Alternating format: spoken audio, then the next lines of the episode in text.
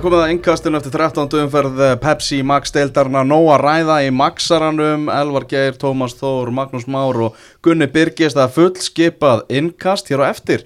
Það var að Tóm og táningarnir, Tómas Þór valdi bestu táninga Pepsi Max deildarna. Það verður skemmtilegt að renna yfir þann lista. En við ætlum að byrja innandira í uh, innkastinu þessu sinni. Í kórnu þar sem Háká gerði sér lítið fyrir og vann FH í kvöld.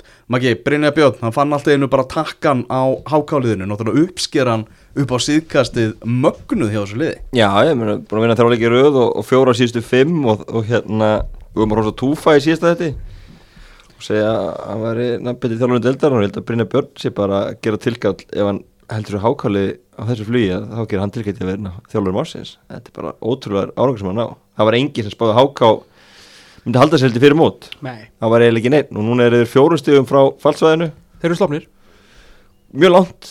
Mjög Þeir, langt. þeir falla. Já, ég, ég held ekki, menn, það, þarf, það þarf mikið að algjör uppi þessi staði verið að gera það. Og hérna, þetta er bara reikalega vel gert. Og, og meiri sig í kvöldi er náttúrulega án Bjarnar Gunnars og Áskis Martins sem hafa verið drúið fyrir undanfönnu og þá stíga bara aðra upp. Emil Allar kemur og skorar Máni Austmann frábær á vinstrikantinum og hérna bara reikalega vel gert það Já, því líkt langþráð markja hjá, hjá Emil Allarssoni maður. Já, mjög og, og hérna bara gaman að sjá, sjá hann á skótskónum og hérna heilt yfir bara frábærlega gert í háka og fyllilega verðskuldaði sigur. Þú veist, Þeir eru mjög þettir varnarlega og, og hérna maður gæti svona í hálfleik fara nokkur að fara að bóka sigurinn því að þeir, þeir eru vel drillaðir og komin í 2-0 á mót eftir og þá voru ekki að fara að missa það niður. Miklu meiri feskleiki yfir hákáliðinu sem leik Tómas. Já, þið er náttúrulega, sko, fyrst og fremst er náttúrulega Brynja Björn bara búin að setja upp bara, þú veist, leikstíl og bara baráttu gleði og baráttu anda, vilja og dugnað sem að bara allir fara hann eftir. Þú veist, þetta er ekkit eitthvað, þú veist, sérstaklega flókið, þeir bara verjast, þeir eru ógeðslega þéttir, Arna Freyr alltaf vera betri í markinu, meðverðinir frábærir, spila sem einu heil, tvær, bara svakalegar, eh, bara fjóramanna línur hérna fyrir fram á markið, allar færslur upp á tíu og þeir gera þetta allir saman ef þið lendir í ykkur baslið þá er bara tækla og tækla og ég held að sko Áski Börkur en að setja ykkur ný viðmið í að hérna, tækla menn með bakinu. Þú veist, hann setur bara hvaða líkanspart sem hann á í þetta.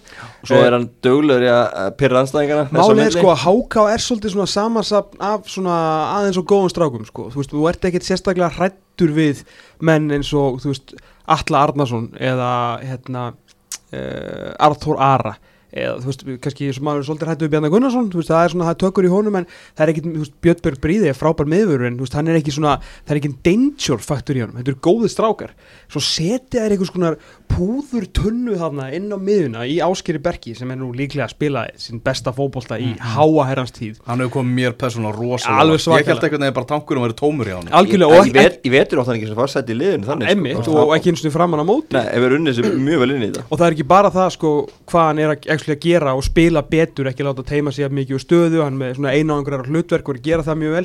En síðan bara hvernig hann er hann er svo óhákálegur og ég sem að skilur svo mikið núna hvað Brynjabjörn var að, veist, að pæla með, með að fá hann. Þetta vantar líka bara leiki og reynslu í þessi efstu dild en þegar hann er, hver í þessu hákálið heldur að myndi fara í Guðmann Þórisson eftir að Valgir Valgirsson hérna, pakka hann saman og bara beint í andlita hann með eitthvað klappa fyrir hann ég er ekki að segja að þú veist að eigi að gera þetta en veist, til þess að vera í þessu og þarf alltaf eitt svona enforcer. Það var enginn í þessu hákáli að fara að vera þessi gæi en þú veist Áskir Börkur eða og hann svona, þú veist, menn fylgja hans fordæmi það eru allir með þessu, geggju baróta og fyrir utan að skora tvö mörg mark, sko tæft mark dæmt af mm dauðafæri sem að daði ver Mhm. og þú veist, þeir áttu svona fimm séns að skora og skora tvö mörg Valgeir Valgeirsson, uh, hann var ekki hrættu við einn einasta leikmann í, í F-áliðinu. Hann, hann er, sig og ekki bara F-liðinu, Já. í engu liði í engulið. Bara þvílít skemmtilegur leikmaður, Gunni. Já, algjörlega og bara ótrúlega flott líka að sjá hann er, hann er svo óhrættur að þú veist, ég held að sé ekki margir uh, eða, þú veist, að samanskapi finnst mér líka svolítið skrítið að Davíð Þó Viðarsson sé til dæmis að láta 16 ára einstakling fara, uh, ná sér upp yfir höfuð, þú veist, Mm. að vera ekki klókar en það. En Valgeir bara í bara öllum þáttum leiksins uh, kemur hann mér á óvart í raun og veru. Þú veist, ég viss að hann væri góður en, en, en svona góður svo grunaði mig ekki sko. Hann var alveg í 18 ára landslið, 16 ára gammal, fer ekki í verkefnið vegna þess að hann er svo mikill likil maður í Pepsi Max deildinni. og líka sko talandi um bara að vera svona eitthvað gæi með svona smá, hérna, smá tögg í sér þá er hann einmitt svona einhvers konar nýjaldar hérna, háká leikmaður því að fyrir utan að vera ógeðslega góður í fótbolta eins og sást þegar hann fiskaði þetta viti þú veist, Þorvaldur, Þorvaldi Átnarssoni hefur aldrei á æfinni liðið ég vel með nokkuð dóma þegar Guðmann Þórisson snýr bara baki í þig Já. og lappar í burtu, þá veist þetta var rétt Mhm. skilur hann gjörsanlega pakka hann og saman svipurinn og guðmenni sagði allt. Já, hann sagði allt og hann vissi svo sem allir, þetta var alltaf geggja og hann er rosalega góður í fótbolta. Líka bara hvernig hann hendi sér í allt, fer í öll brot þegar hann einmitt fór og bodycheckaði hann að Davíð og Viðarsson, boltið var farin þannig að hann fór bara í, þú veist, hættulegasta mann pepstildarinnar setti bara hendunar og undan, ítt honum í grasið fylgd á eftir, hann er 16 ára gammal sko, þetta er Davíð og Viðarsson. Fekk reyndar brókun hann í sem, sko, sem laun fyrir það frá Davíð. En hann bara stóð upp, leta ekkert espa sig og fór. Mm. veist, það er bara, það er ekkert eins og Brynjabjörn segði hann í viðtala eftir leik nema góða hlutum um Valgir Valgirsson að segja sem er bara búin að vera algjörlega frábær og líka skora klínisk mörg sko. Já, tölum náttúrulega með um daginn að, að það eru erlend félög að, hérna, skoða hann, ég held að það verði ekki vant að býða að hann veri, Já, þú veist, ekki fara út strax. Nei, en, en ég held að sé, hvort séu næsta, Já. það næsta ári, hann er að fara enda í aðdæmisku hann er- bara eftir hvað eru mörg slott eftir hjá Nörsöping sko. Nei, nei, ég er búin að vera- eins lengi og, og hægt er í pepslitinni, mjög gaman að sjá. Já, ekkert bara eitthvað fyrir okkur. Ég bara, taktu bara eitt tímanbil og vertu bara bestur í hákáliðinu 17 ára og farðu svo út og þá ertu kannski meira í stakk búin til þess að algjörlega, en ég er ekki hissa á þessi lýsi að skoða Nei, alls Nei, ekki og, og því miður þá óttast ég að hann fari út eftir tímabil Ég haf giska á það að uh, hann komi meira við sögu á eftir í þessum þætti hann Valgir Valgjesson förum úr gleðin í HK og segja þetta tala um bara? þegar við förum í Maggi Rekur eða? Já, það fyrir segja makki rekur Má ég segja eitt? Já. uh, Eitt sem að er líka ég er svo sem ég er ekki alveg seldur á að séu, bú- að séu búin að berga sér þú veist það, svolítið djörfá uh, en það sem að kannski ítir undir þær uh, hérna. Vangaveltur. Vangaveltur Mm. er að Háka tapar aldrei stórt. Nei. þeir töpuðu 2-0 í fyrstu umferðinni svo er aldrei tapar með meira en einu marki. Og þeir eru inn í öllum leikim Mhm. Þeir hafa trú á þessu sjálfur, það er alveg, alveg morgunljóst. Uh, Förum yfir í FH og hvað á maður bara að byrja í því volaði sem er í gangi í hafnafyrinu Fyrir þennan leik, vissulega búin að vinna tvo leiki röð en það voru ekki íkja sannfærandi sigrar Tómas og, og ekki merkilegar framistöður hjá, hjá FH-liðinu þeim leikum alls ekki og þetta er bara búið að vera hérna, þessi tveir sigurleikir svona gáðu þetta F-fóingum von því að á endanum eins og þú veist fleiri liðar er að koma að staða þá er þetta stíin sem, að- sem að telja. Og þessi 6 stígur henni voru 7 í síðustu þremur og undan þessum voru, voru ansi vel þein en það var lítill afsláttur af þessu. Uh, þeir eru náttúrulega núna búin að, þú veist já, unnu í BF og Viking, er jættefli við, við Grindavík. Þannig að þeir eru búin að sko, náttúrulega, já, og svo tapa þeir í kvöld aftur svona til að sína hversu hversu erfilega gengur. Og ég veit ekki hvort að Ólafur Kristjánsson hafi nokkur tíman áður á sínum þjálfara ferli beðist afsökunar á framistöðu síns liðs eftir leik. Gerði það ekki Lið, hann gerði það í kvöld í, í hérna, sá ég viðtali á vísi. Þannig að sko framistæðan þarf að vera eins vondu og verður og það verður bara að segjast þess að hérna, þetta var bara af mörgum slökum framistöðum undanfyrir tvö ár hjá FH var, var þetta mögulega svo allra versta. Þeir voru aldrei líklegir til að skora mark á móti nýliðum HK sem að auðvitað spiluðu mjög vel en að því sögðu er þetta FH og þeir bara, þeir gátu ekki neitt. Það skipti engum máli hvar, hvar þú horfður á liði sko. Uh, Pétur og, og hérna, ekki Pétur sérst Guðmann og, og Gummi ekkert sérstakir hérna, meðverðum Guðmann fara á sér víti. Það er að taka alla til, bakverðinni gátt ekki neitt. Cedric Díolífó spilaði líklega sem besta leik á ferlinum, hann var gjörsamlega ömurlegur uh, hefði ekki léttilega getað fengið rautspjald í þessu leik. Uh, framlínan, þú veist, gerði ekki að Lennon reynd og reynd og reyndi og svo náttúrulega Björn Daniel Sverjarsson sem að ég hefur bara lítið sem ekkert gert á öllu þessu tímbili sko.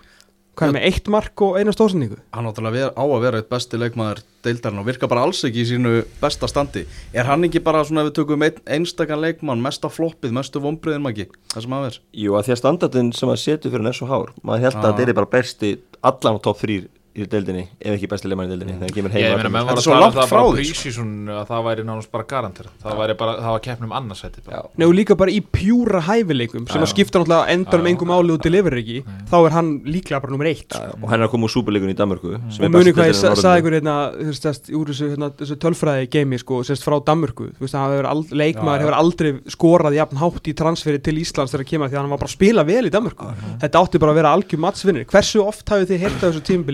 bara að þetta að var nú ekki gott en, en Björn Daniel allavega svona náði að bjarga andliti fyrir FH Aldrei aldrei Jú, mér- aldrei. finnst ég alltaf að heyra þetta frá F-fæðingum Ég veit ekki hvort að Ha? það sé að að mér finnst, Ég veit Aldrei? ekki hvort að mér finnst að að það sé eins og þeir séu bara réttlæta einhvern veginn að hann sé í F-fá og einhvern veginn svona reyna að hæpa hann einhvern veginn upp í þessu volaði þá myndi ég vilja heyra ofta skilur við hérna Björn Daniel dróða á landi með marki eða stóðsendingu Mm. eitthvað en hann hérna, þú veist eins og segi móttökur og sendingar oftast upp á tíu en þú veist hvert var fara og hvað er búa til náttúrulega gerir askaplega lítið og sóknarleikurinn hjá liðinu er hann er skelvilegur, við erum að tala um það. Í síðustu fjóru leikjum eru vissulega, þetta eru s- sko sjö stig samt af tólf, fattur en í þessum fjóru leikjum á móti Grindavík IBF, Víkingi og Háká lið sem að, mm. veist, er ennþá öll í fallbaróttu eru búin að skora eitt mark úr opnum leik. Vítaspinni hjá Lennon, aukaspinni hjá Brandi og annars Lennon marki hérna í þessum 2-1 sigur á IBF eitt mark á 360 mínútum á móti fjórum af slakarlegum deildarinnar þú veist, með fullu veringu fyrir HK sem eru ekki að spila eins og þannig lið núna. Eitt mark úr opnum leik á móti þessu fjórum lið þetta er sko sláandi. Ég eiginlega finnst smá til með, með Óla Kristjánsdóttir því að ég, veist, ég bara, ég varst ekki um það einu eina sekund að þetta sé góðu þjálfari. Uh, en mér fannst bara líkamstjáning leikmanna inn á vellinum. Uh, mér fannst hún bara einhvern veginn ekki hún gerði ekkert fyrir mig. Þú veist það var bara, leikmenn voru ógeðslega pyrraðir uh, þegar sóknuleikurinn gekk ekki upp þá fórnuðu menn bara höndum.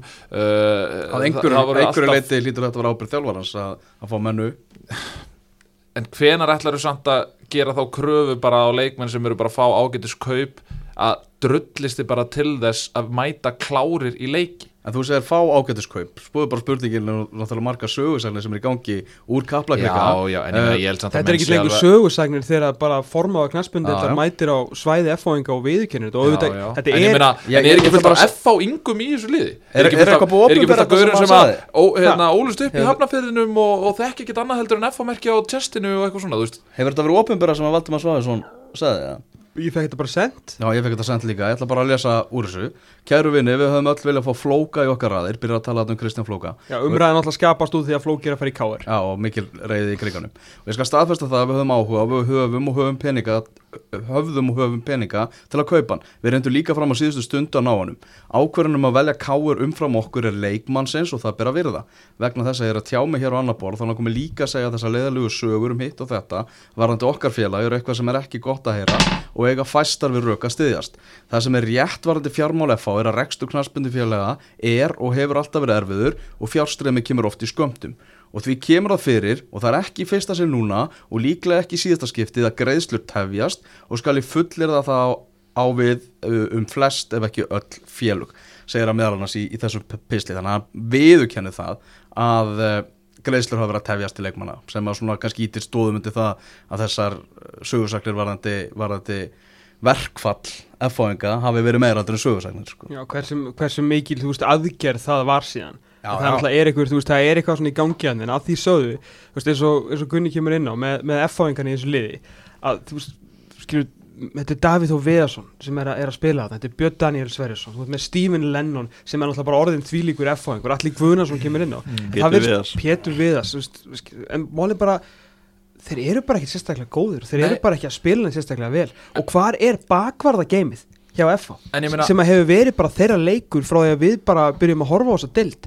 frá skilur ungum loga í loga núna sem er náttúrulega ekki svipur hjá sjón með það sem við höfum síðan. Gumma frá, frá Gumma Sævars í, í hérna Guðjón Átna í Jonathan Hendricks í hérna munið Justin Timberlake Danny Justin Thomas í mm. skilur meistartímbili 2012 Buddy the Leg, allir þessi gæðir þeir að starta í kvöld með Pétur Viðarsson og Cedric á öfum fæti og þegar Pétur fyrir út af þau kemur Brynjar Áskerinn og hvorugur er sko næstum því bakverður það er ekkert bakverða game í gangi. Það er engin, það er engin hjálp utan á þú veist, bara svona F á fótboltin er einhvern veginn algjörlega horfin, þeir eru alltaf einhvern veginn að leita, hérna, að leita plossinu spila með lína sem á að gera það ágætlega. Þeir eru með flotta tölfræði þegar kemur að sendingum og þú veist, personum og leikendum.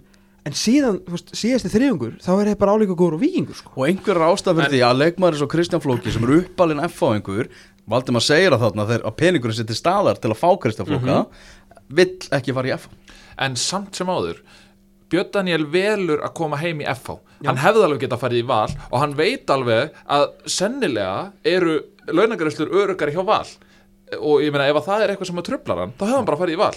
Hann ákveðum að fara í FH því að FH hjarta slær meira heldur en eitthvað valshjarta nokkuð tíman Stephen Lennon hefði getað farið frá FH fyrir ekkert svo löngu síðan. Breyðablík bauði hann og breyðablík bauðunum samning er ég nokkuð vissum og að hafi komið einhvern tíman í loftið.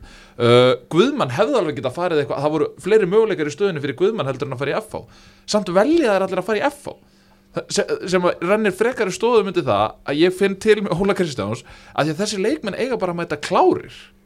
Mér finnst að þeir eru bara að mæta klárir. Alveg saman hvað er í gangi í klubnum ítið því til hliðar.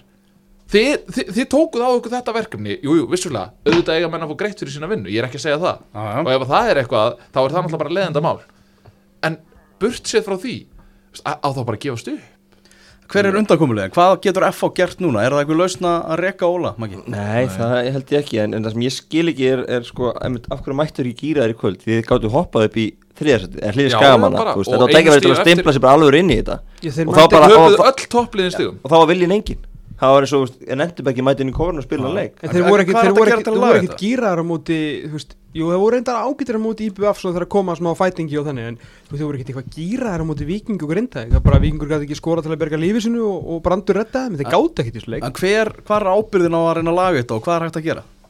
þeir þurfa sendir. Ég held að við værum þarf að ekki hér ef við myndum vita það, sko, en Lennon- Vinnu í kriganum bara.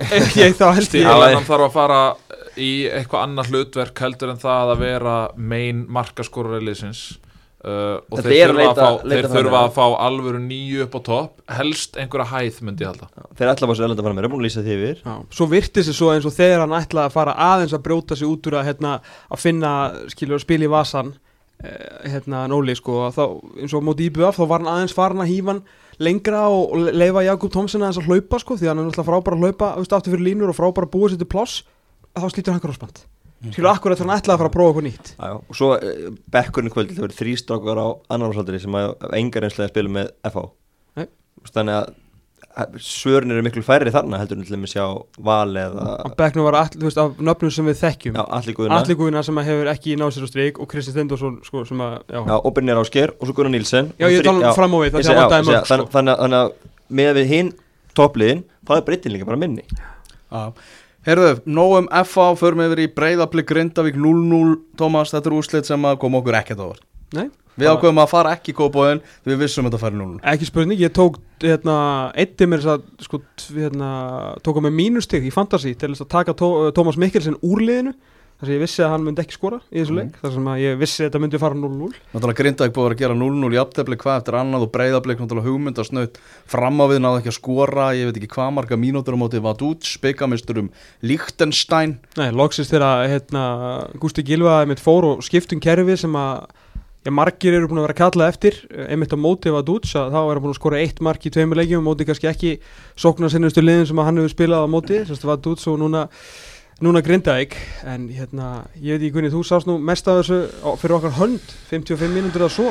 Já, já, ég tók hann að rétt, rétt rúmlega hálfleik svo þurfti ég að skjótast upp í kór. Hérna ég mér fannst blíkandi flottir í fyrirháleik bara, mér fannst að vera að skapa sér mikið, þeir eru óefnir bæði náttúrulega með það að mæta skrýmslinu Djokotovic í markinu hjá Grindavík sem átti eina stórkostlega vörslu þegar hann varði eftir, eftir svona snúning og skot frá Thomas Mikkelsen. Uh, Kolbett Þórðarsson kemst einn í gegn uh, gatfengið líka ákjómsalegt skotfæri og mér fannst holningin á, á breyðabliðsliðinu miklu betri. Það voru færri langar sendingar fram frá hafsendunum og, og sérstaklega Damir. Damir var meira þá bara að finna uh, annarkvort höskuld eða Davíð út á vinstri vangnum mikið. Uh, Alexander kemur með þá vitt inn í þetta að hann getur fengið boltan inn á miðsæðinu ítt Guðjóni framar og leift andra svolítið að vinna í kringum sig. Og það fannst mér skemmtileg hérna, nálgun hjá, hjá, hjá þjálfarateiminu að setja Alexander hann inn.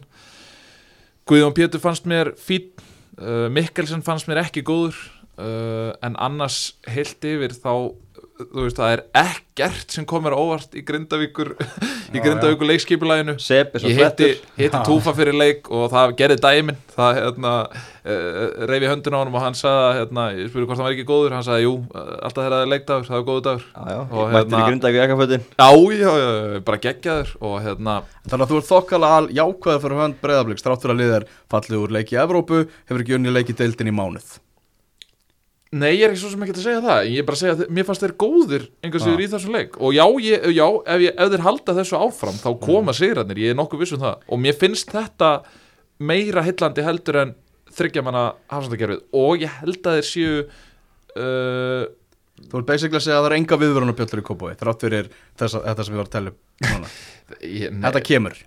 Já, ég hugsa það Ok, á samanlega því meðan að menn alltaf gera sitt besta sko. En Gísli Ejarsson, er ekkert pláss fyrir hann í þessu byrjunni? Hvar? Ég spyr þig Nei, hvar? Já, Hvað? ég Þú myndi segir bara nei. Tíunni? Já, þú ert Nei, ég meina, þú ert ekki mi- með- með- fyrir mér- fyrir mér- þarf einhver að spila sig út úr byrjunarliðinu Já. fyrir mér, fyrir mér fann, þú veist mér fannst þér nú að gæla að hann skildi hoppa beint inn í byrjunarliði Já. í fyrsta leik Kolbjörn Þórðarsson á hæri kanti gæði sem að mætti fara að kvíla einmitt og spyrja mig að taka eitthvað út. Já, við værum ekki að ræða þetta ef hann hefði nýtt uh, það að þegar hann kom steit í gegn hann átti eina slaka snertingu. Uh, kvíla, nei ungi strákar þurfa að fá tækifæri til þess að gera eitt-tvö mistök og eiga eitt-tvö slaka leiki. Mér finnst að það ekki að þurfa að henda þeim á bekkin fyrir það. Uh, ef að, ef að svona ef, ég meina ef hann fyrir ekki að sína kannski eitthvað aðeins meira þá allt í lagi jú að henda honum í smá kvíld en nei, ég vil ekki sjá það á kvíla Kolbein Þórðarsson sem er einn ein stærsta sölu var að breyða sem staðinu núna Mm.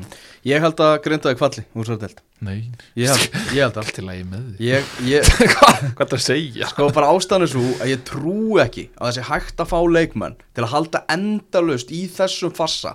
Fara í alla leiki, bara markmið nummer 1, 2 og 3, berjast fyrir því að halda markinu hreinu, bara, ó, bara bestu úsl, möguleg úslitin eru 0-0 þú veist, liður aldrei að vinna alltaf að gera jafntefli, til að hafa svo rosalega mikið fyrir að skora. Ég held einhvern veginn svona á endanum þá bara dempast menn niður í þessari er þetta, er alveg hár rétt því að þú veist á meðan að sko þau þurfa ekkert að tapa neitt mörgur leiki með viðbútt hvað eru nýju leikir eftir í þessu móti þú veist þó þau myndu bara hafi verið halda bara áfram að gera þessi játtöfli Mm. að liðir hann í kringu að með þetta er 12, þeir eru konið 8, þeir eru góður já, þú veist, vikingur og káa þurfa að vinna kannski hvort þú segir tvo leiki viðbót og þá sleppa þeir við fall svo lengi, svo, framalega sem að grindaðu heldur þessu áfram, sko.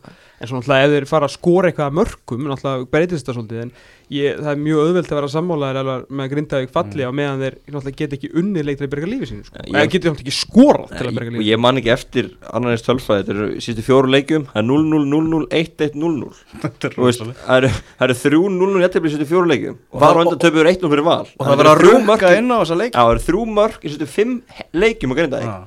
Það kemur.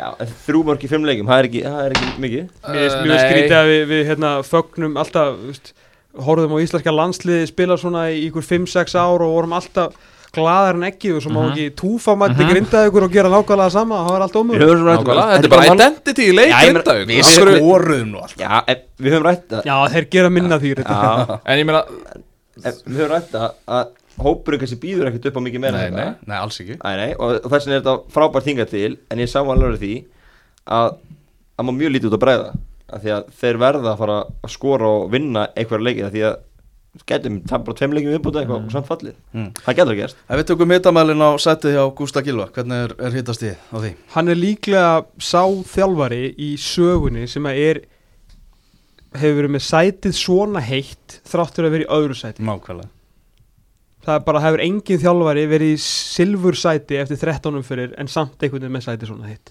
En það er náttúrulega líka því að deildin er algjörlega beilið sko. Já, já. Og þeir náttúrulega eru búin að sapna þetta fullt af stegum sem verður ekki tekin af þeim. En unnu ekki, búin að ekki vinna leikið þessum mánuði falla úr Evrópu og missa fullt af peningu þar. Og náttúrulega bara fyrir lélegri framistuðu og bara, þú veist, huglösa framistuðu sérstaklega í fyrirleiknum. Uh, vitandi það að þetta vatútsliði sko hundra svona betra á, á sínum heimaðalli skilu, einhverjum alvöru heimið, þú veist, þeir eru að fara að reka nei, hann er með Nei, 23 stig í öðru sæti undanúsli byggar en, þú veist, Já. klára það ekki já. þá hækkar þetta bara En hann er aldrei rekin ára tímabilið búið ekki, Já. ekki, og það er ekki eins og ekki, þannig séð sko eftir ekki en, en hann er, þetta er merkilega heitt sæti með við stöðuna í deild sko. Já, og maður skinnjar pyrring í kópáðu líka eðlilega með gengið veist, þetta er, þetta er er gríðalegu pyrringur Já. Já, já Herðu, vindum okkur yfir í Vesturbæn þar sem að Káur og Stjarnar gerðu 2-2 jafntefli Hilmar Átni stöðaði Sigurkongu Káur hérna með dramatísku marki eftir langt yngkast í blá lokir skallamark frá Hilmar Átna hans nýjunda mark í Pepsi Max-deltinu á þessu tímabili. Og nýjunda skallamark á ferðlurum ef meður er taldar æfingar? Já, ég held að náðu ekki, samt ekki? sko. Nei, líklega ekki. En hérna, maður, hefði ekki veðja á hann hefði maður verið að veðja á hver myndi skora með skall eftir langa yngast Hvað gerðist í þessu marki, Thomas? Það voru þrýr að dekka Martin Rásenberg Já, uh, og Skúli Jón Freykjarsson böði síðan upp á já, með svona verri dekkunum sem ég hef séð í förstu leikadrið þar sem hann einhvern veginn alltaf hann embedi sig meira því að hann halda Hilmar átna fyrir aftan sig í staðin fyrir að bara fylgjast með boltanum og gera bara mjög heiðarlega og mjög einfalda árás á boltan sko. Mhm. og heimi bara stalst einhvern veginn skust fram fyrir hann og, og stangaði boltan í netið og þess að þurfa að hoppa sko. Og boltinn skoppar í marktunum sem það var aldrei að gerast. Og þetta myndi kannski bara á þegar Tóni Púlinsson með hérna, Rúbi í stók og það bara íta ballum frá og svo skoppa boltinn í marktunum eitthvað pótorunum inn. En það er náttúrulega bara, það er allt að í þessum varnarleik. Þegar ég fara þrýrannu upp eh, sko, náttúrulega Pálmur að kvarta undan hérna, peysutói sem er mist skrítið ef að það hafa gerst í, maður bara sér það ekki alveg á þessum myndum því að þeir eru einhvern veginn þýra böðlastarnir í Rásenberg af því að boltin fyrir yfir Pálma þið sjáu að beitir heldur klálega að Pálmi sé að fara að skalla hann bolt, bolt að minnstakosti upp í lofti hvort hann sé að fara að skalla hann í burtu. Þannig að hann einhvern veginn verður að vera rótfastur á línunni og þar með náttúrulega bara og svo, náttúrulega, og svo missi skúli af Hilmari. Þannig að það er ansi mikið sem að fer úskeiðis í einu atviki. Mhm. Björgur Stefánsson nær að skora Bó! Það eru náttúrulega stórar fréttir í því náttúrulega lampan sem að hann tók á sig eftir uh, þessu ummæli sín og uh, hann er búin að orða hann við Viking eftir komu Kristjáns Flóka en það er nokkuð ljóst að Bó hann vill ekki yfirgefa Vesturbæðin hann sagði ég hef ekki farið í káir ef ég hefði óttast samkettina þarna þarf hann að vera áfram Gunni. Já Ég hef samt áhyggjur af, af því miður, þá hef ég áhyggjur af hans stöðu innan, innan káarleysins með tilkomi flóka.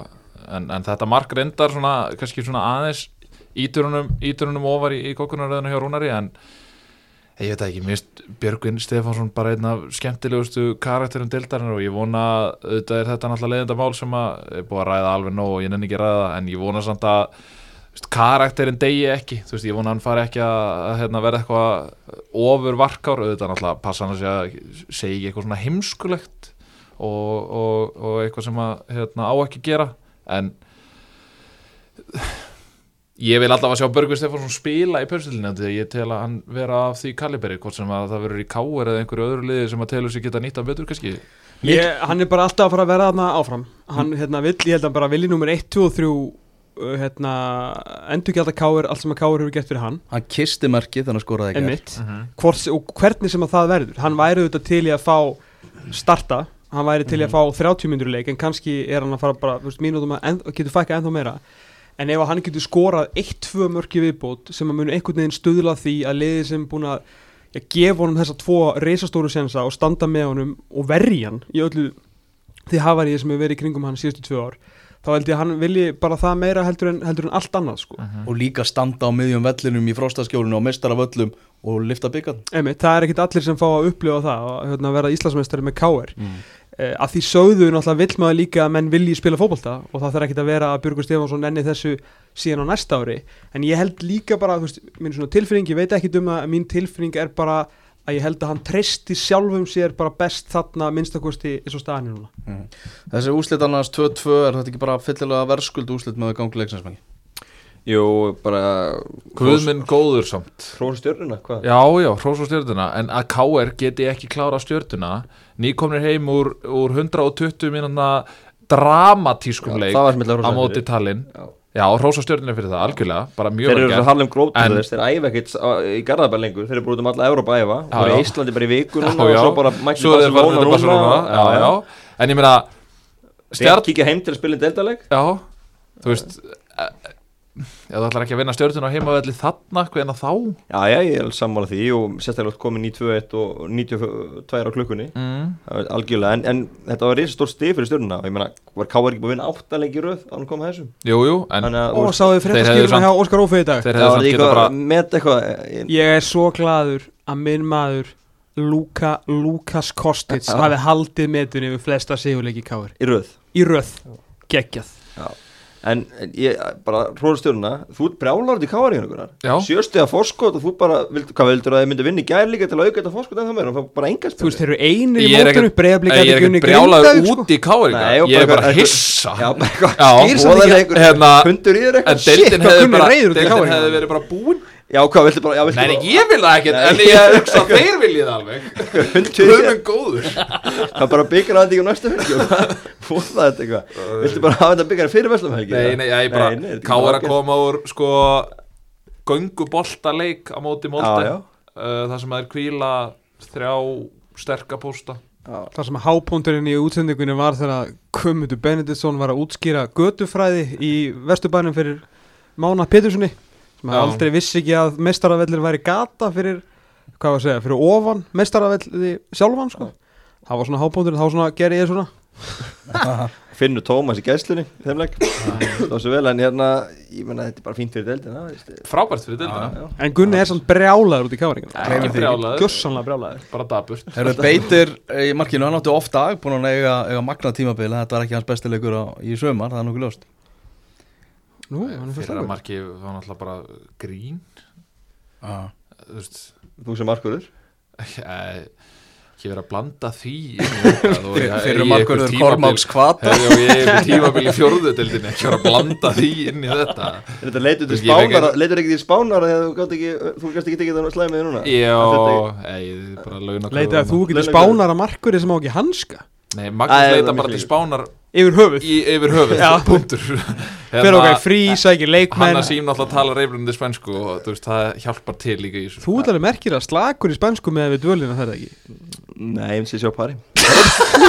Er gleymum því ekki að fyrir Argentína Ísland fyrsta leik á HM það var makki útvarsviðtal á spænsku. Er á, gleymið þið ekki? Já, já, Það er gleym- ég get ekki glemt því sem mér hefur aldrei verið sagt Nú, varst ekki við hliðina með þegar að ykkur er frétta með Argentínu rétti með síman og sagði bara eitthvað, það er gjöð svo vel og við komin í viðtal bara og ég bara spjallaði við hann í, í tvær Hola, myndur hola. notaði þessi átt orð sem ég kann svona sem á eru hver?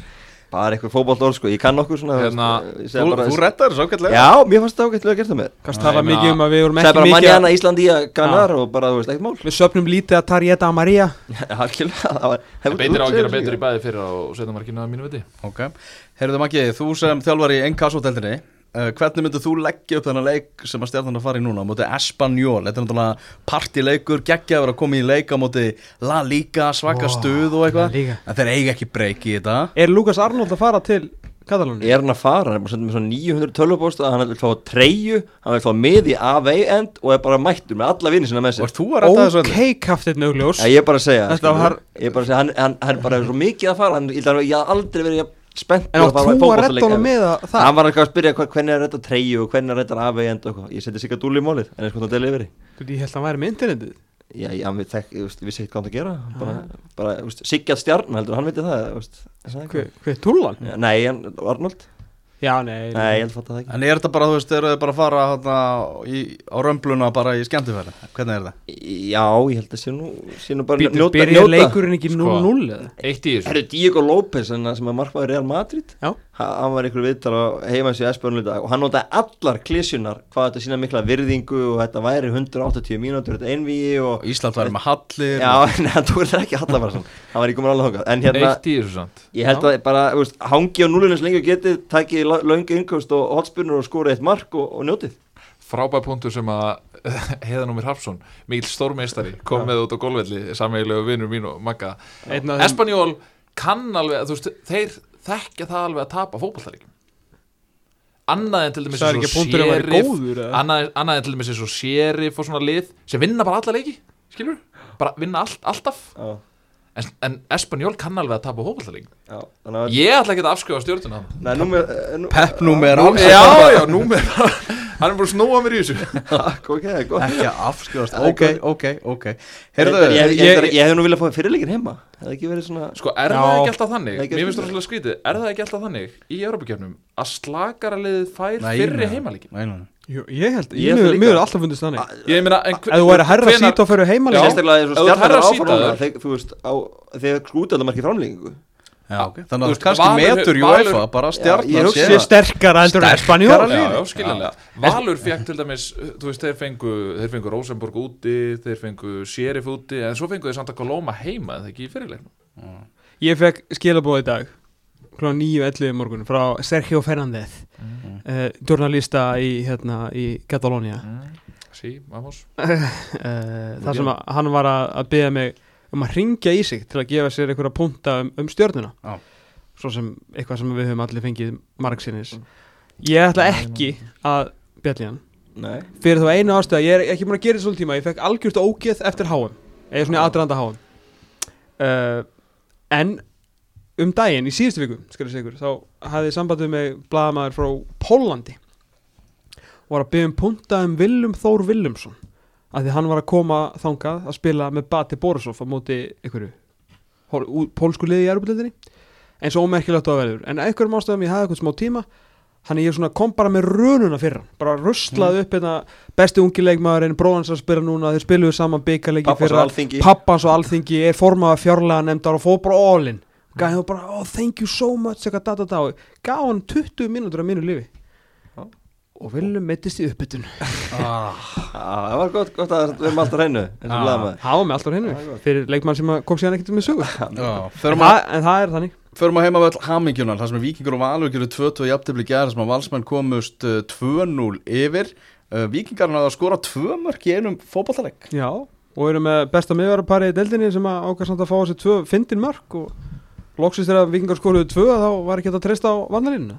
Nei, en það sem gerist eftir að valur kemst í 2-0 ef við horfum á þetta frá vals sjónarmiðinu þetta var ekki burðugt hjá burðuð framistæðum og einhvern veginn svona bara áhugaleysi sem virtist af, af leikmennu vals. Já, þeir voru bara eða ekkert líklega til að loka þessu með ákveðin vals stíl, vikingarnir hérna bara gáðist ekkert upp og og voru bara betri, valsmenni fóru eitthvað að bakka fóru rosalega langt frá boltanum leiði vikingunum að, að spila og kom bara geggja vikingarna, sér- sérstaklega eftir hann svona, hvað var svona frá 60 til eitthvað, já svona frá svona, já, jú, 60 til kannski 750 mínúti var því líkt páir í vikingunum sko. Eh, valsmenni bara bökkuðu einhvern veginn af þeim og þeir skora mjög gott mark og eftir það náttúrulega, þú veist, var maður svona eða með á tilfinninguna að vingandi myndu jafna þetta og svo voru þeir að fara að skora segumarki þar til að sænski kantmaðurinn James Mock eins og valla þulur vikings tilkjöndan þegar hann kom inn á ákvað að gefa eina verstu sendingu sem að sést yfir? Makkarinn, Mock, hann verður ekki mikið leik, leikmaður vikings Sverri Hérna- Gerdal Já, já, ég, ég, það er gaman á hann sko. En má, hérna, er ekkit í reglunum sem að stendur að, þú veist, að vallar ekki kannski að vera hlutlausir heldur, þú veist, en má þú veist, má segja, þú veist, vikingur, vikingur í mikrofon ekki hugmynd með F og þá var var Pétur Stefensen þá var þetta framkvæðastjóri Já. hann öskar alltaf áfram með þá það svona bara það sem að ég, Gunnar ég, lýsi ég, að- ég sat einu sinni Já. með En um, Gunnar er alltaf að lýsa því að hann var bara vikingur Já. Já, hann, Já, hann er svona, hann er að koma og tekur hérna svona Vikingur. Þú veist, hann svona koma á stað já, já, sko. Hann veist, tók þetta alveg tíu sunnum já, já, þetta var Veit ekki með tíu en Jó, þetta var mjög oft nefnilega og sérstaklega í. En Ég, hérna, veist það bara óþólandi að ég þól ekki svona háa Ég vil bara geta nót til leiksin sko. nei, ég er ekki það er ekki það sem ég er að segja. Nei, ég er að segja það, ég finnst bara fínt þegar fólk þegir sko.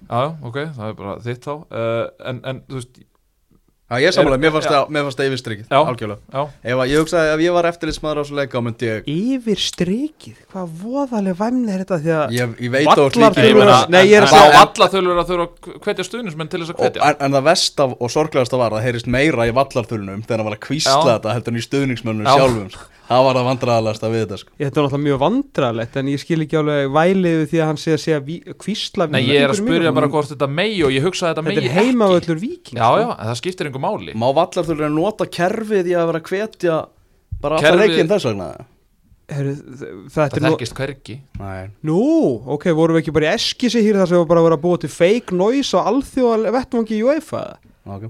Þeir eru aðeins að kynna ykkur reglu, sko, hann ok, er ef, byrjuð. ef þetta má, þá vil ég að þetta veri banna Já. það er það mjög, Já. mjög vond sko. Ég Ég er meina þetta- það er líka bara fín byrjun Það er að líka bara fín byrjun að vikingar hvetji. Er það ekki bara og ég bara frumkvæði sjálfur að Mm. hvetja. Ég held að það veri Það mjög er snið en vikingar náttúrulega þurfa að sókna mann, það er alveg morgunljóst. Björgum verðist vera ekki á leiðinni. Er Óttar Magnús á leiðinni? Nei, Hann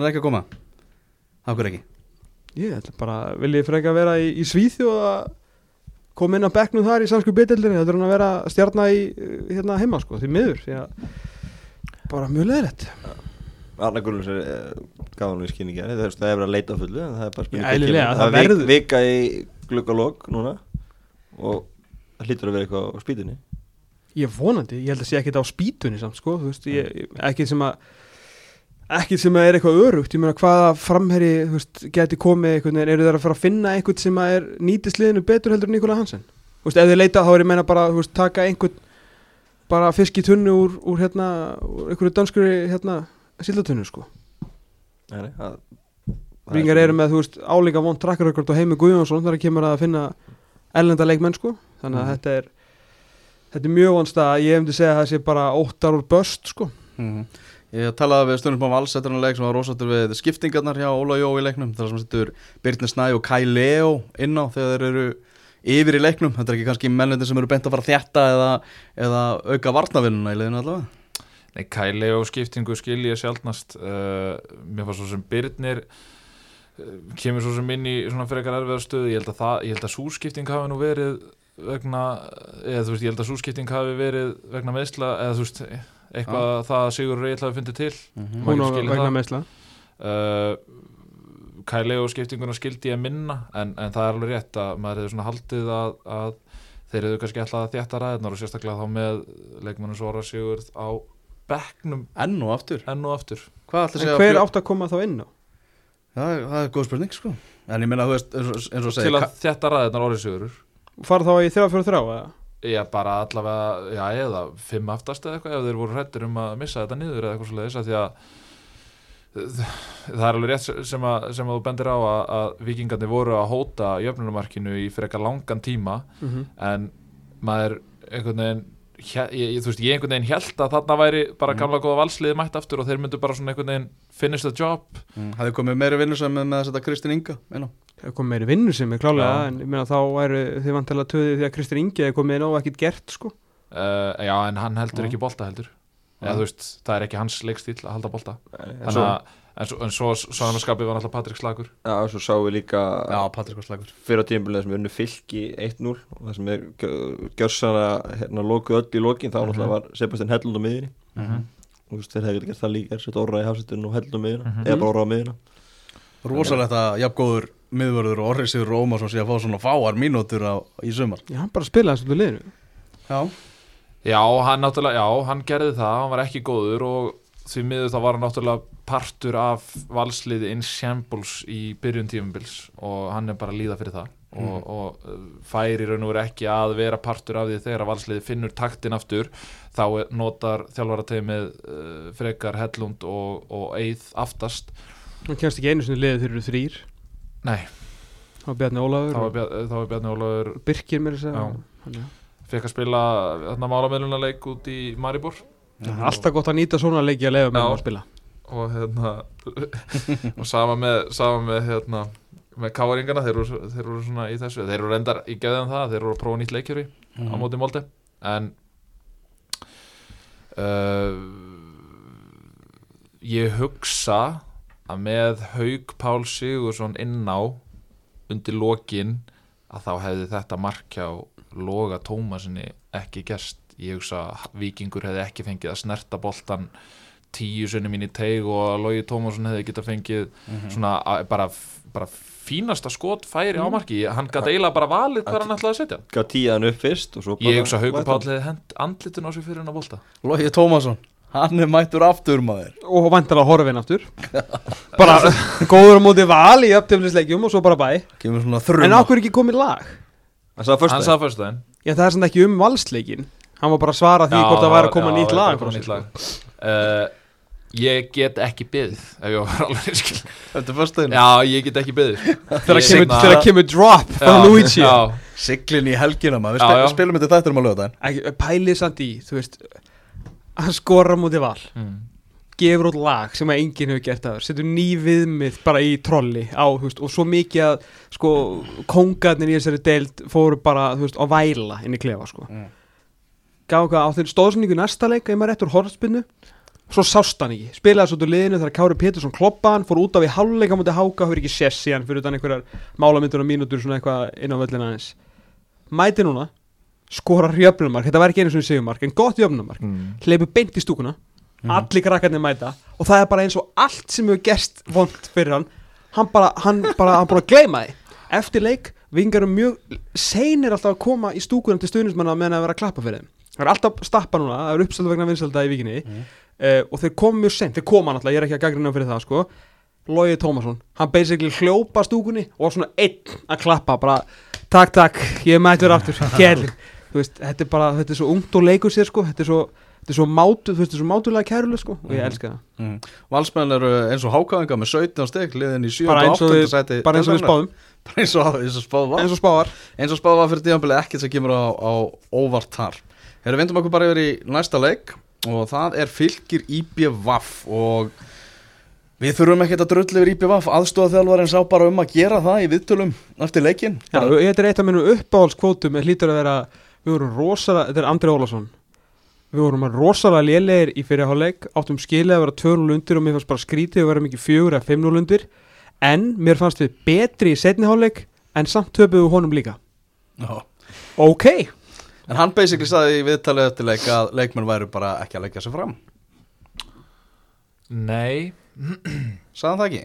Jú, jú, jú, jú, jú, jú ég, er, ég að segja þú veist, Nei, kannski, kannski þeir eru ekki að leggja sem fram En Ég meina Er þetta lið eitthvað mikið betur en þetta? Ég meina En lið sem að er búið að sanka sér svona mörgum útlendingum, erlendum leikmönnum, á það ekki að vera betur en þetta? Jú, en ég meina þeir Lið sem er búið að vera já, sama, en við- saman Við yfir megum allan samt ekki gleyma því Alltaf Þetta eru fimm stig, þetta er ömurlega.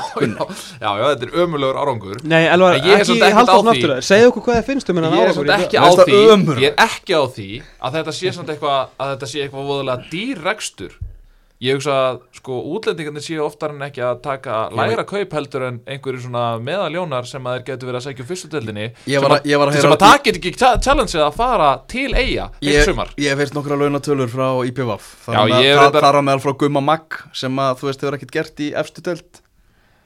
Hva, hvað er verið að borga honum til dæmis? Ég meina, ekki, já ég held að þetta sé bara miklu dýra rekstur heldur en fimm stig gefa til já algjörlega. Ég er ef ráða við ætlum að fara Ég er aftur í eitthvað, þú veist, Ísland versus útland. Og bara því að Andri, Andri, jú, Andri, Ólafsson Mm. opnar á þetta sjálfur með, þú veist, menn sé ekki að leggja sér fram. Það er þjálfur, ég tók ekki eftir þessu kótinu og þjálfurinn sagði þetta, ok? Mm. af hverju ertu þá með Sindra Björnsson sem að, þú veist, eina sem að eina, alls ekki eina sem að getur, það sem hann er þekktastur fyrir er fætingur. Já, já. eh, og vera bara, þú veist, stálinn á miðunni og síðan uppalinn í Breka Ómarssoni uppalinn í eh, Robert Downey, uppalinn í Óskar Elias og svo sjálfsögðu uppalinn markmann og karakter í halduri hérna, Póli Gersinni og það eru eigamennir sem eru að setja eigamennina til hliðar. Ei, nákvæmlega, maður held einhvern veginn nú, ok, nú er, hérna, er, er Jeffsy mættur og, og Andri, nú hætta er þessu dæmi með, með Rafael Valóso, Haldur Páll feð bara í markið, þú veist, gefa Óskari einhverja mínútur, hérna, Sindri fer hann á miðun á meðan þeir, hérna, hvernig enda ég með að vera gæði sem að tala um Sindra já? hann var bara fengið til að snista runna hann fyrir leiki Já, ég meina, Einmitt. þú, þú vildi komið svo að. Þú getur ekki kvartað við leikmönnum að hérna, þeir sé ekki að einhvern veginn að sína standa sig einhvern veginn fyrir sko, liði merkið og eiguna þegar mennindir sem eru frá helvitis eigin eru allar á bekknum. mm. Það eru tveir íslendingar í byrjunleginu sko. Og við stum að tala líka um, um rekstur IBF er í sjötta seti fyrra byggamestir hitti fyrra. Þetta lið er bara ekkit ódýran en það. Alls ekki, alls ekki.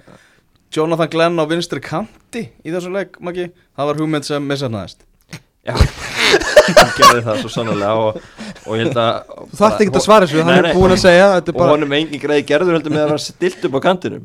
Nei, ég, meina, ég man bara ekki eftir Ég hef alveg séð fullt af leikjum sem Jonathan Glenn hefur spilað. Ég man ekki einu sinni eftir að hann hafi sótt út á hann var mikið á hæri, á fylki. Þú veist, skilur það sem hann gæti ógna með ræða sínum og- og kraftinu, vinstra með hann bara hindur og er að koma úr meðslum í þokkabót ekki búin að spila nokkra vikur. Já, hann, var ekki, hann var ekki alveg í gýrsnum til að sinna einhverju varnaskildi í þessum leik sko. Nei, þannig að þetta var ekki, ekki alveg Ef ég væri Snær Magnússon sko, ég myndi synda í land og finna mig liði fyrir lókluka sko.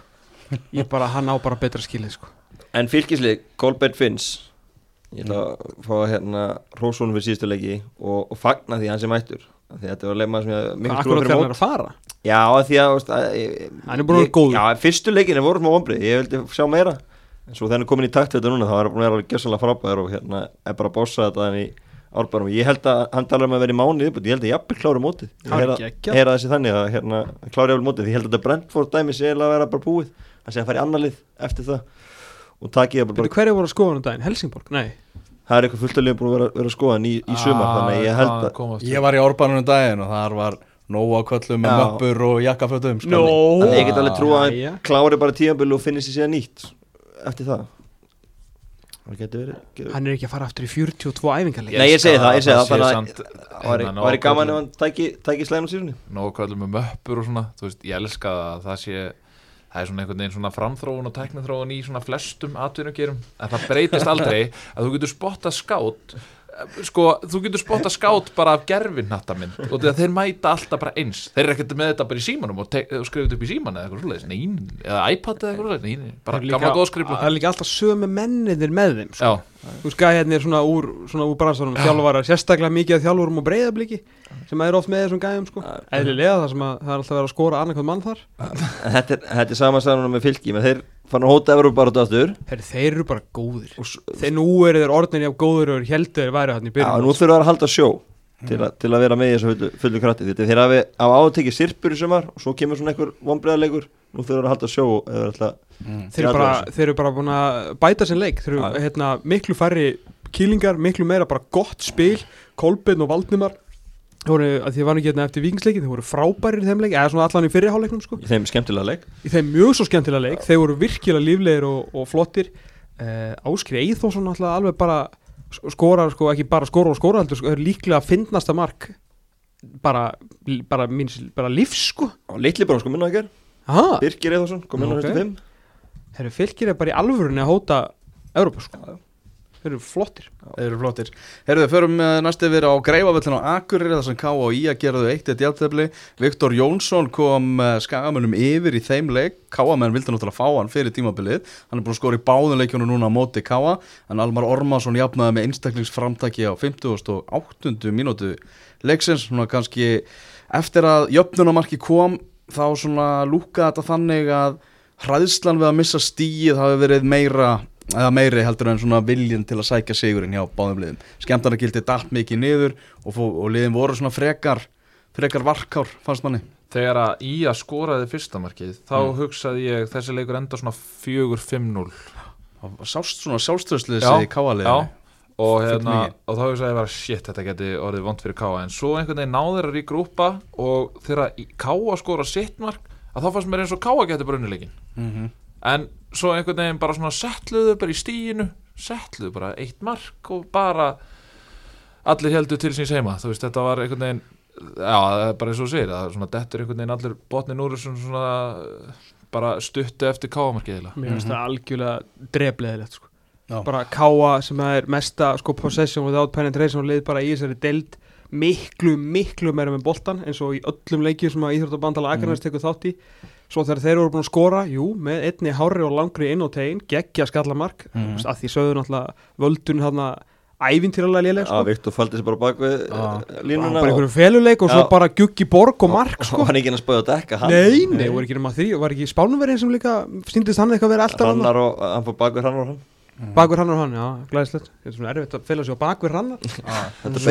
Íslensku skói svo var eitt dauða færi sem að Tryggvi Hrafn sem að reyndar, hann kom sér ágætli í sjálfur þannig að langa sendi ekki fram frá Já. Jóni Gísla Mhm. uh, þar sem hann tekur snertinguna fram hjá Arni í markinu. Já, Aron komin aftur úr meðslum já, og leggur hann í hliðanetti það er svona látt að gera aðeins betur Já, ég, þegar ég, þú veist, er að, á að velja á milli þess að hérna, horfa á káa, halda boltanum móti góðu varnarli og horfa á síðan á skagan þú veist, sparka fram þá bara fer ég á, á frelsið og fer að horfa á Jamie Oliver sko. þetta er ekki eitthvað sem ég nenni að horfa sko. Er það káamenn veldi að fá víti í fyrri háleik Óttar Bjarni klárlega brotlegur en það var rétt fyrir utan vítategin, það hefði ekki átt að vera vítaspilna en eins og talum um Spánverja hann komin hann í ás og Víjar komin á, á miðjuna hjá þeim í, í staðin fyrir Daniel Hafstensson sem er, sem er haldinn í, í Víking uh, og þeir eru að fara að fá annan uh, miðjumann, sóknar miðjumann, spænskan já. Þessi Víjar hann bara fín Já, hann var bara, ég held að hann gæti alveg vaxið líka. Hann er bara svona ágæti sendingamæður Bendið þú um á hann gæði, maður ekki? Nei, Það var svona ekta eitthvað að gaur í sétildinni sem spilar í Bísa það var svona, svona gæði sem að þú myndir taka í afturheldingu. Hitt hann á í Bísa einum að ferðunum á fróðudiskóið Spænska nýlendan í Mosasspænum Aldrei komið til Líbísa reyndar en, en, segir en þetta, er með fýtt sífi sann sko. Þetta er, uh, þú veist eitthvað röfli þættir um að löga þetta Það er, hann er, hann er, þetta er Ég ég að röflaði þættir, ég var bara að þetta lesa upp úr Þetta frétta segja- tilkynningu káa Ég- Já, gæti veist eitthvað að segja þetta, þetta væri, var ekki fyrir löga Ég held að sé alveg styrkja á. En talandi um leikmannaklukkan, þá erum við uh, alltaf káringar að bæta við öðrum leikmanni. Ég held að það sé að fara að koma, erlendur leikmaður fyrir klukkalokki á þeim. Hvað af Alex. Já, ég held að það sé miðmör Já, En akkur taka er ekki bara íslenska leikmann sem er ekki að spila erlendis og hefur verið prófin í pæsutildinni og þannig að tala um Ólíu Sýrjóns Það væri gott taksað Hann er á, allan hann er á Íslandi right now. Já, Ég held að blikarnir myndu taka hann alltaf en ég bara, ég get ekki fyrir mitt litla líf. Og jú, jú, hann getur kannski alveg spilað en ég meina þá ertu bara komið með tvo geggjaða miðjum en bara nánast utan hóps Já, hann vantar fleiri miðjum en í þetta Já. Það er einmitt er að ein- Björgu því. Það er er það komið að þessu, Thomas? Top 5 bestu táningar Pepsi Max að mati Tom. Já, sko, til að hérna, halda þessu til haga þá er þetta, þetta er rúllandi listi, þetta er lifandi listi þannig að þetta er power ranking, skiljum Ok. Fattir, þannig að þetta er, sko, þetta er ekkert eitthvað bestir þetta er svona, þetta er ekkert eitthvað bestir á tímabilinu heldur svona, þeir sem eru svona við horfum, ekki allt og langt skilja, Er þetta, hérna, er þetta eins og Young Player Award í hérna, Premier League þar sem að menn geta bara verið Já, Raheem Störling Já. er sem sagt bestur Já, Óskar Örn, hann var alveg bestur Óskar Öll er besti ungi njarvíkingurinn í deildinni já, en hérna 99, Já. 99, já, Já. já. til að mér fannst 2000 aðeins og lítil púlja, hann er Já. 99 er já. og eins og ég segi, þetta er, þetta er lifandi listi þannig ég ætla að uppfæra þetta aftur eftir svona hvað að segja, fimmum fyrir og svo kannski lókmóts Mhm. ef að þið eru til í það. Já. Til. Hljóður Herru, krakkalistin hann hljómar svo. Og byrja bara á toppnum, eða ekki, það er ekki nýtt? Ef Nei, byrjum okkur upp. Erum okkur upp. Herru, í fymta sæti uh, á krakkalistanum sem er svona The Kids Power Rankings í Pepsi Max deildinni þessa dagana er Kolbett Birgir Finnsson leikmaður uh, fylgis Hann kemst ekki herrið það. Já, ég eins og ég, ég vissi að Maggi fengi er þið sár, er þið sár og svættur Herru, hann er búin að vera virkilega flottur. Það er rétt hjá þér, bara flottur á miðunni bara miklu líflegri í öllu spili. En það vantar kannski eins og hjá mörgum, eða ekki mörgum, já, svona slatta ungu leikmur í þessu deil, svona aðeins meiri klíník framóið, búin að skora núna einmitt á móti IBF á dögunum, en það er bara annar markið hans, hann er með tvær stóðsendingar, það eru báður úr set pieces, hann, hann er ekki að skapa mikið úr opnuleik, en bara flottur hann inn á miðunni hjá góðu liði. Mm. þannig að hann er í fimmtarsætinu right now í fjórðarsæti er uh, Galdri, Guðmundur Andri Tryggvason. Uh, búin að skora í tveimilegjum í röð búin að vera bara hrikalega góður búin að sjá, búin að vera geggjað hann er- sjá bara hraðan í bara hann búin að vera að smóka mennuna í síðustu leikjum búin að skora hann á þrjú mörk í síðustu fimm leikjum og bara öll, sko í segurleik og tveimur í aðtöflisleikjum hann að mörkina hans er að telja. Og það er stígandi í honum. það er virkilega, búin að vera Já. virkilega flottur upp á, upp á síkast Ég myndi að kolla þess að dór En áfram? Af hverju þá? Bara þú veist þegar að þið segið alltaf bara eitthvað svona en þú veist ég er að segja eitthvað skilur Já, þú ert búin að kíkja á töl Já, þetta er tölfræðilisti Nei, nei, þetta er bara Ég, ég, Þetta er bara mín tilfinning for, eftir að hafa hort á leikina, skilur Hvernig skila til og... Já, þú hefði náttúrulega valdið líka sko Kolbjörn bestan í deildinni þegar hann kom. Þannig að þú veist þetta sko, skiptir ekki öllum Já, þetta er bara mín skoðun. Valdimar Þór Ingimundarsson í þriðasetti Það er stundum með sleikmaður í sama liðu og Kolbjörn sem er búin að vera að spila betur heldur en hann og er búin að skora Já, fimm já. mörk komið tvær stóðsningar þannig að hann er að gera tölvert meira fram á því fyrir þetta lið öll mörkin hans komið í sigurleikim þannig að það er líka mjög flott áttu meira svo ættu að vera komið sex mörk náttúrulega á klúður ársins líklega svo far. Kolbjörn alltaf verið að spila aftar þeir eru náttúrulega, já, eða, veist veist, Hann hefur spilað bara vingbakku og mi- miðjunni og vissulega sko. líka Já. náttúrulega vera, veist, vera að líða fyrir það. Hvað er þetta frendi, hvað þeir eru að líða Nei, Ruslið? ég bara Já, ég, ég bara hugsaði að það var mögulega á topnum sko, á þessum lista. Nei, nei. Ok, áfram. Í öðru seti, Valgi Valgesson 16 ára gammal, so far geggjaður, búin að vera að skora núna mörki segjuleikjum út í KA og FH hrikalega teknískur, fiskar víti skorar og skorar með þess að sko ólulegt mark í kvöld. Eh, bara búin að vera algjört leading force í þessu segjuleik hérna hreinu hákaðinga upp á síkastið en á toppnum er að sjálfsög finnur Tómas Pálmarsson það er ekki hægt að horfa fram í honum. Átta leikir, átta sigrar markatalan 17-7 Finnur sem allt vinnur. Finnur sem allt vinnur. Það er ekki hægt að horfa fram hjá honum, það er rétt. Og hvað gerist í gær? hann ekki klaufamörk. Já, Meittur Unn ekki. Unn ekki. Meðsli eitthvað hrjá, hann var náttúrulega ekki hópað á móti Molde. Já, sem betur fyrir taldi moldileikurinn ekki inn í Pepsi Max-deltina Já, það er þannig. Hlakka til að heyra hvernig hræningarna verða á þessum lista eftir fimm umferðir eða Hvar svo er Kolbett Þórðarsson? ég hef búin að býða eftir þessu. Hæ? Þú veist, ætlar enginn að segja neitt? Jú, þú varst að bara, ég þú bara veist, Nei, því ég bara, Þú ætlaði, bara að fara í næsta Þú ætlaði bara að fara í næsta dagskarlið Gunni, þú mátt alveg vera með líka. Já, já, en þú veist Hæ? Hann er í öðru sett í Pepsi-dildinni og hvað er hann með? Fjögur mörka eða eitthvað svoleiðis? Og öruglega eitthvað á stóðsendingu líka. Ég er ekki með tölfæðan alveg fyrir fram mig En ég meina, hann er í öðru sett í dildinni Fylgir er, er hann í öðru seti, er ekki breiðabík í öðru seti Jú, eða, þú veist, Já. hann dró vagnin nánast bara í upphæði mót Svo hann, er, hann var í í, úrvalsliðinu í upphæfmót Já, en minna, hann, hann var í úrvalsliðinu fyrstu, hvað, í, í fyrirumfyrinni Hann var Já, í úrvalsliðinu í okkur. Og við vorum jafnvel að meta að velja hann bestan. Einmitt. En staðan er þannig að hann er búin að skora eitt mark síðan 10. mæ Já, já, en ég minna, já, ok Uh, þetta er sóknarþengjandi miðumæður sem var frábær framan af og ég meina hann er bara í sjötta seti right now sko til að getur alveg breyst skilur en hann er bara búin að, hann er í liði sem er ekki að vinna leiki þeir eru ekki leik allan mánuðin hann er búin að dala verulega, að skora eitt mark núna uh, og það var á móti IPVAF sem að helst nú ekki gott lið þessa dagana. Og bara er uh, ekki búin að vera góður og hinn eru allir bara að gera hluti að manna Kolbeð Þórásson er bara að detta niður listan sko. En fylgir er samt í fintasæti með 19 stig þetta er ekki liðslisti Nei, en, en ég, þú veist Guðmundur Andri líka og hann, þú veist, vikingar eru í 11. seti, Já. nei 10. eitthvað. Já, ég- já ég, ekki það, ég skilji það eitthvað Það frekar er ekki hægt að segja það að þetta sé óumdeldur listi Nei, nei, hjá honum- hjá ég- honum Tómasi og þannig á þetta líka að vera uh, Þetta er líka minnlisti, þannig að það er ekki að skipta öll. Þetta er þinn listi, örstuðt hérna Inkasso og Hot Tómas, við ætlum að kíkja á völlina á fimmtudaginn Njörðvík leiknir Herru, já, og á föstudaginn þá er Grótta. stórleikur gróta Þór. Það er risaleikur maður Maður er kannski ekki búist við tímbil að þetta er svona stóru leikur. Vá, wow, föstaskvöld maður Og svo ætlum við að taka góða Inkasso umræðu í útastættinum á lögadaginn Ég ætla bara að kíkja á Magga í afturöldi kjærleik Stórleikur, Ok. stórleikur. Já, Það er nóg að gera. Gott að fá Ei, Maggi er svona búin að vera svolítið í dámi Ég er búin að vera svolítið latur, ég skal alveg vikjuna það. Maggi, þið þurfum á stuðningi að halda. Já, Já, ég er búin að vera að kalla þetta í að fá Gunnar völlin og En hann, hvort er þetta meira á stuðningi eða stigum? Já, mikið bara okay. Já, þetta helst í Já, hendur. þetta er svolítið hendur sko, en Gunnar hefur þráttur að búa í Mósesbæð, þá hafði hann fyrir síðustu helgi ekki mætt á einasta leik í sumar. Já, en að fólki. fannst- fannst þetta að fara í loft Mér finnst þetta rókafyllt þér. Eða sko, ég, eða sko, fyrir það fyrsta þá mætti ég á leiknisleikin og Elvar getur vottað fyrir Við hittumst þar. Við hittumst Fyrir, þar ég, ég, ég, ég, Ég- glemdi, ég að merkja þið mæt, mættur Já, já. Er þú í því líka? Ég flýg ofta ekkert hátt Já, ég, náði ekki að merkja sko. við þar, fyrir ekki.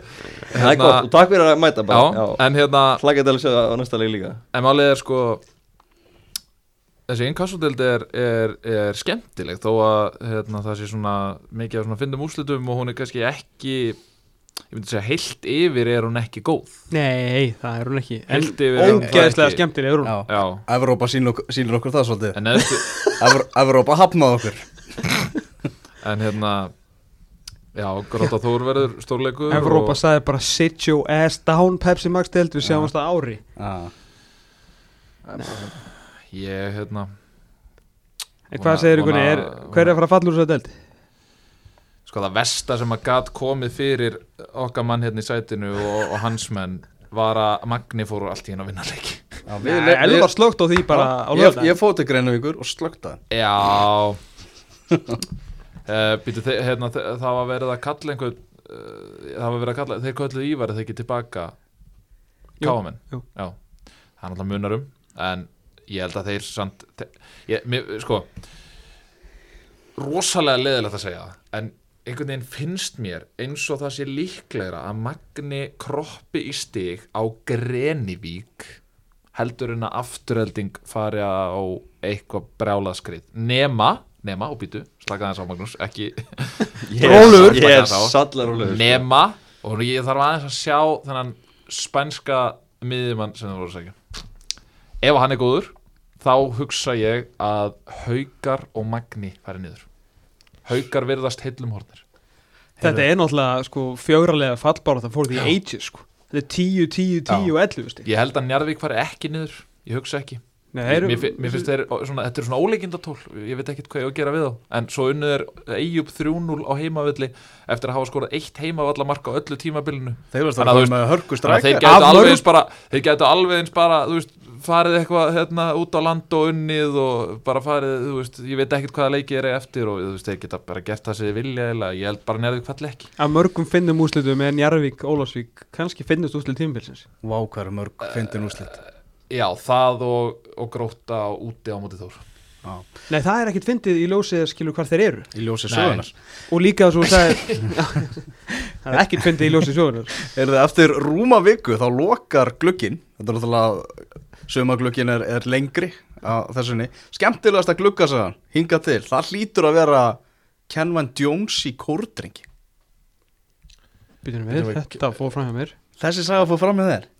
Fór þetta á internetið eða? Nei, þetta er, þetta er búið að fara að ganga manna á, á milli. Hérna, Sö- Sönderland Kenvin Jones. Gæði sem að Tryggur Guðmunds þurft að keira bílinn fyrir. Já, var hjá Stoke og Cardiff og svo fór hann eitthvað alltaf peningin er ekki spilað sann 2016 en er 34 ára, hann er frá náttúrulega Trinidad Tobago. Já, tengi- þeir eru með Trinidad að- þú veist, ég veit ekki hvað er til í þessari sögu að þetta hlýtur að vera skemmtilegast að Ég get ekki ímyndað mér í hvernig standi Kenvine Jones er í dag. Skiptir mig engum máli, ég myndi mæta á alla Ég, ég er alveg sammálaður en Já. ég bara er ekkit eðla að fyndi að sjá standið á mannum sko. Já. Þetta væri líka bara statement Já, kortingum þetta er liftistöng fyrir Savabýruna í heilsinni. Þetta er Já, náttúrulega illa við að fram hana Já, pæli í Þeir það eiga þetta nú ekki lengur Þú nefndir Tryggvi Guðmunds Leiðir hans og Kenan Jones getur að leiða aftur saman ef þetta er satt. Sem Tryggvi þjálfar í vangi í Júpiters Sá myndi senda einhvern inn á bara til að klára Kenvine Jones sko.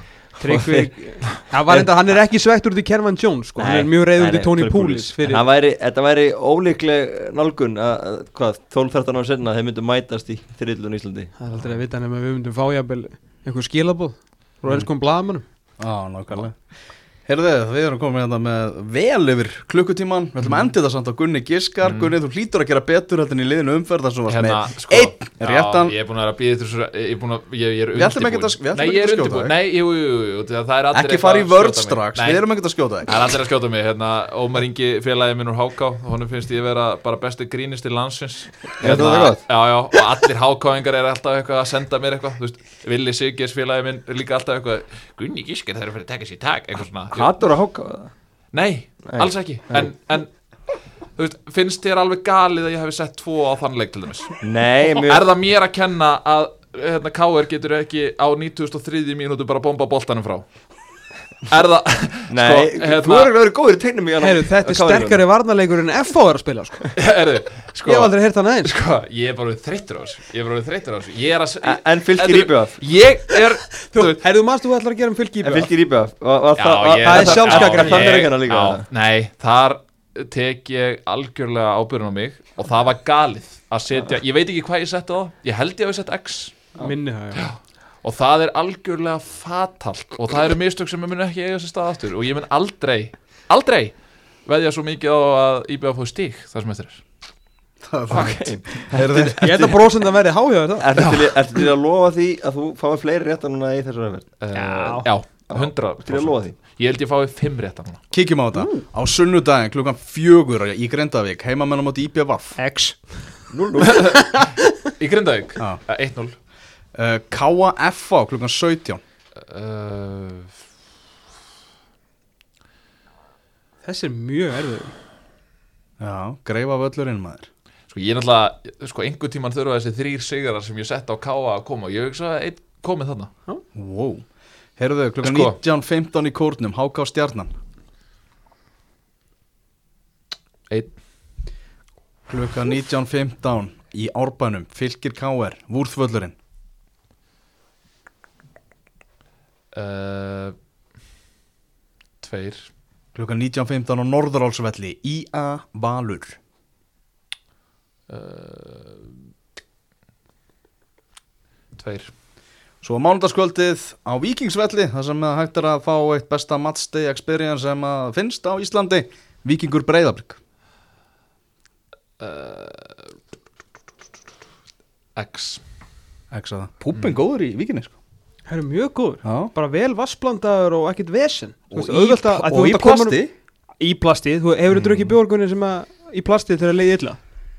Hef ekki drukkið bjór Þannig að sama, sama hvert ílátið er. Já. Ég, Í alveg þess maður Og er hann bara í innkastinu?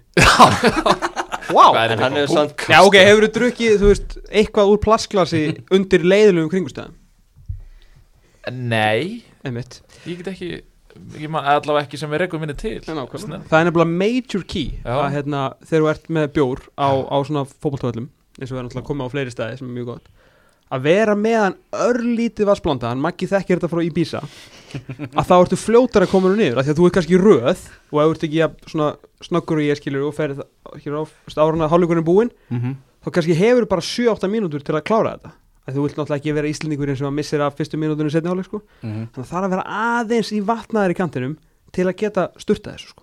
mm -hmm. það er punkturinn, líkilatriði það, það eru vikingarnir búin að negla sko. algjört líkilatriði, yngastið næst eftir viku, næsta mánudagskvöld þanga til, bye bye